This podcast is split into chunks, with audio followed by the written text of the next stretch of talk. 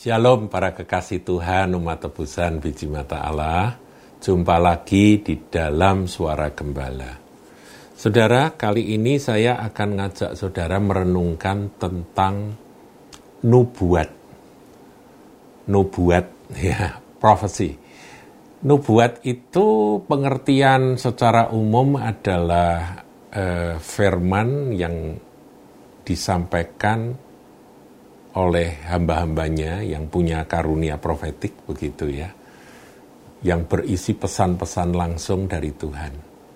Disampaikan ada nubuat pribadi ya personal prophecy itu ada.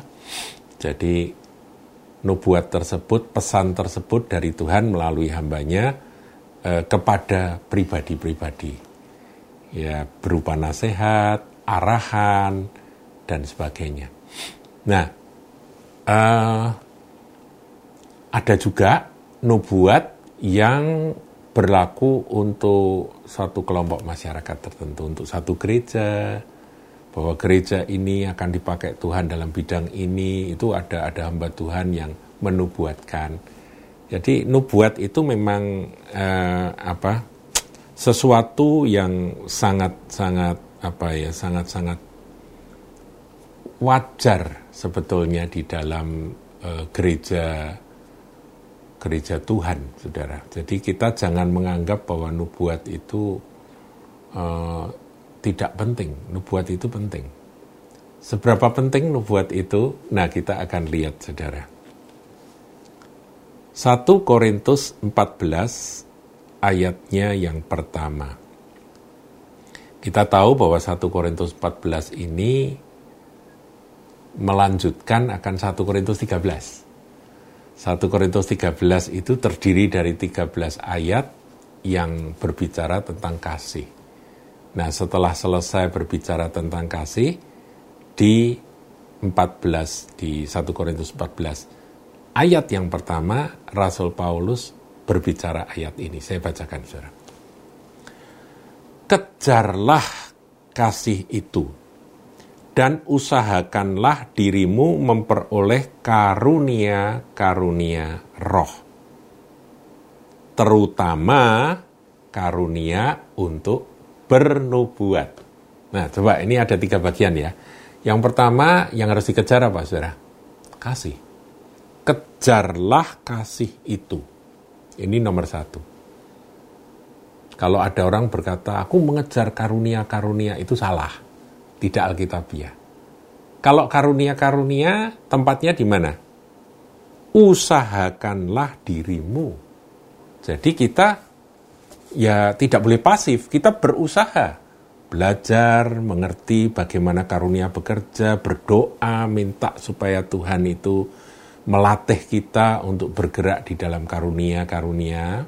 Saya pernah sampaikan ada sembilan karunia roh, saudaraku ya dan nanti masih ada beberapa karunia yang lain. Um, tapi karunia ini uh, kan Tuhan yang ngasih dan itu dikerjakan oleh Roh.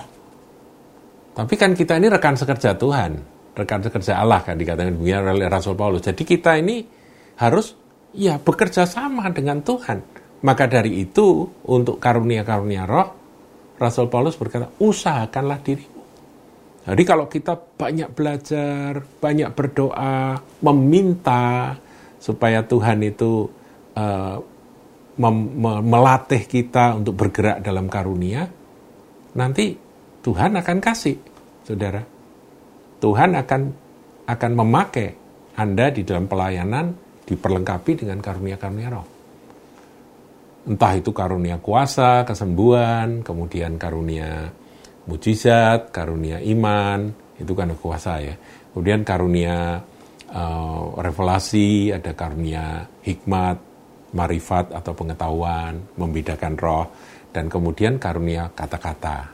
Nah, karunia kata-kata ini kan bahasa roh, kemudian tafsir bahasa roh, dan satu lagi yaitu nubuat, yang tadi sudah saya awali dengan penjelasan sederhana yaitu menyampaikan isi hati Tuhan kepada pribadi maupun pada kelompok, bahkan kalau untuk orang-orang tertentu, nabi-nabi tertentu, untuk sebuah bangsa. dia bisa menyampaikan. Nah, saudaraku, kembali ketiga tadi. Yang pertama, yang dikejar itu bukan karunia. Kalau mengejar karunia itu sudah meleset. Kita mengejar apa? Kasih. Mengapa? Kok Rasul Paulus berkata kejarlah kasih itu? Karena tidak ada gunanya kita punya karunia sehebat apa pun juga kalau tidak punya kasih. Nah itu sudah dijelaskan di dalam pasal sebelumnya yaitu pasal 13 ayat 1 sampai ayat 3. Saudara saya bacakan ya. Kita mau mendalam sedikit. Mengapa kok kita harus mengejar kasih? Tetapi mengusahakan diri beroleh karunia. Dan nanti ya, poin yang ketiga yaitu terutama karunia bernubuat. Itu nanti saya akan jelaskan berikutnya. Kita lihat dulu kasih, mengejar kasih. Sekalipun aku dapat berkata-kata dengan semua bahasa manusia dan bahasa malaikat, tetapi jika aku tidak mempunyai kasih, aku sama dengan gong yang berkumandang dan canang yang gemerincing. Jadi cuma suara doang gitu ya saudara ya. Suara yang bikin heboh, yang bikin peka telinga tapi sebetulnya nggak ada isinya. Artinya sehebat apa pun kita bisa berkarunia dengan bahasa macam-macam, bahasa roh, kemudian bahkan bahasa malaikat gitu ya. Tapi kalau nggak ada kasih, sia-sia. Kemudian ayat 2, sekalipun aku mempunyai karunia untuk bernubuat, ya ini sudah mulai masuk nubuat. Jadi menyampaikan hal-hal yang akan terjadi di masa datang begitu ya. Dan aku mengetahui segala rahasia, ini artinya pengetahuan-pengetahuan yang merupakan rahasia-rahasia itu disingkapkan bagi orang-orang yang punya karunia tersebut. Karunia pengetahuan. Seperti Tuhan Yesus ketemu dengan uh, perempuan Samaria, langsung dia bicara, engkau um, sudah bersuami lima, cerai semua, dan yang keenam ini laki-laki ini bukan suamimu. Kaget perempuan itu. Ini mengetahui segala rahasia, saudara. Saya membaca sebuah sebuah eh, apa sebuah kesaksian dari seorang hamba Tuhan yang bernama John Wimber. Dia pernah naik pesawat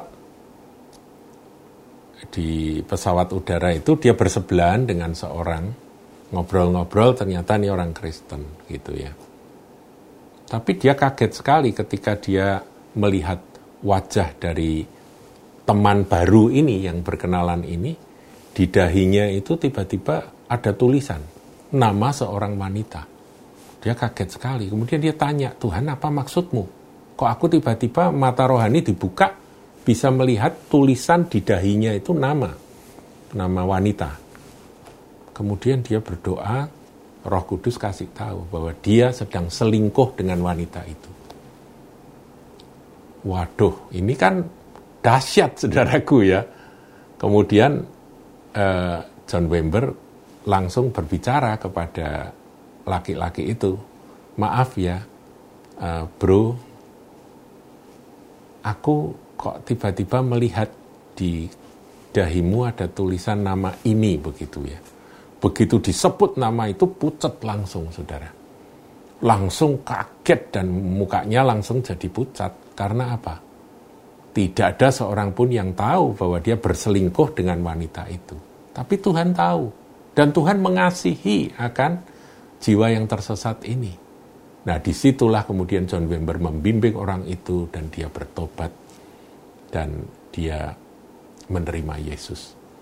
Nah saudaraku, uh, kalau nggak ada kasih untuk menyelamatkan jiwa dari orang itu dari kesesatan, tidak ada kasih untuk meluruskan kembali akan kesesatan yang terjadi dalam kehidupan orang tersebut. Ya, pengetahuan yang mengetahui segala rahasia yang ada pada John Wimber itu ya seperti perdukunan saja, saudaraku. Seperti ya orang sakti gitu aja yang dikagumi apa gunanya dikatakan mengetahui segala rahasia dan memiliki seluruh pengetahuan? Nah, ini ada orang-orang tertentu yang mengetahui akan pengetahuan-pengetahuan termasuk pengetahuan firman Tuhan yang begitu luar biasa. Dan sekalipun aku memiliki iman yang sempurna untuk memindahkan gunung, Ini Paulus ini sampai memakai contoh-contoh ekstrim. Kalaupun aku ini punya iman bisa berkata hai gunung beranjaklah dan itu terjadi, tetapi jika aku tidak mempunyai kasih, aku sama sekali tidak berguna. Saudaraku, kasih itu paling utama. Kasih itu uh, mesin penggerak dari semuanya. Jadi kalau itu bergerak tetapi nggak ada kasih, itu bukan dari itu itu nggak dianggap sama Tuhan.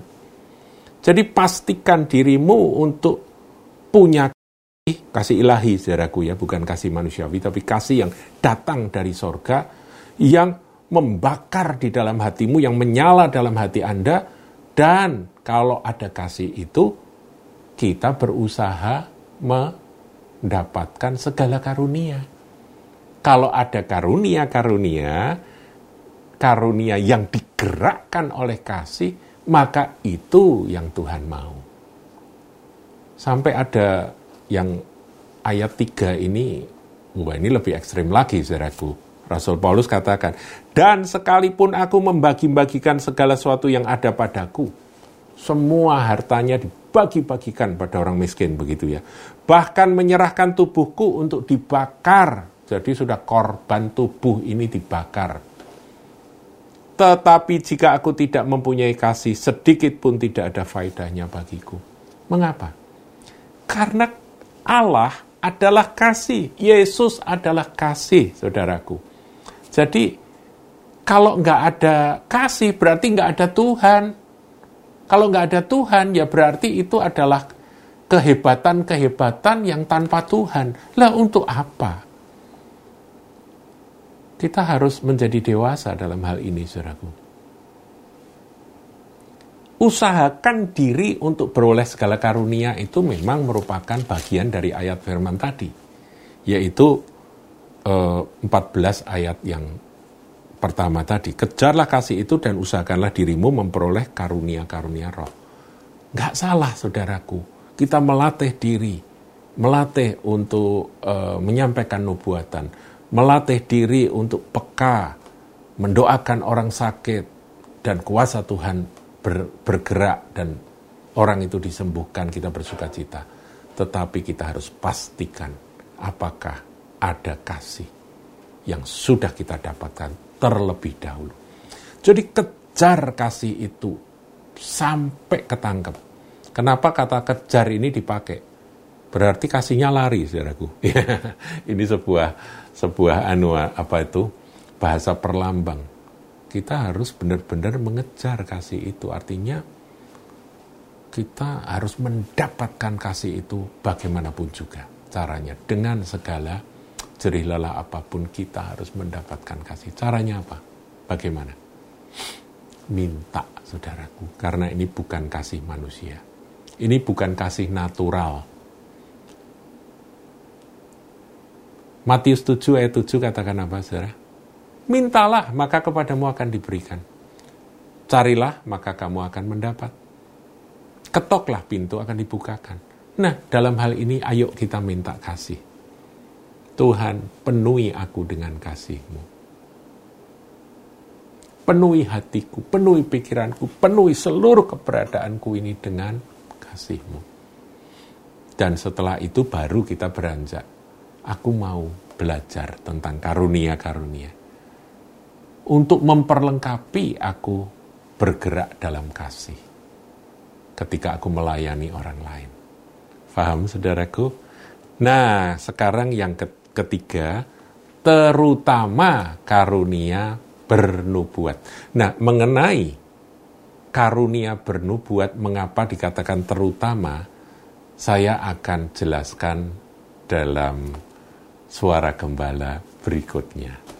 Sampai di sini terlebih dahulu, Tuhan Yesus memberkati.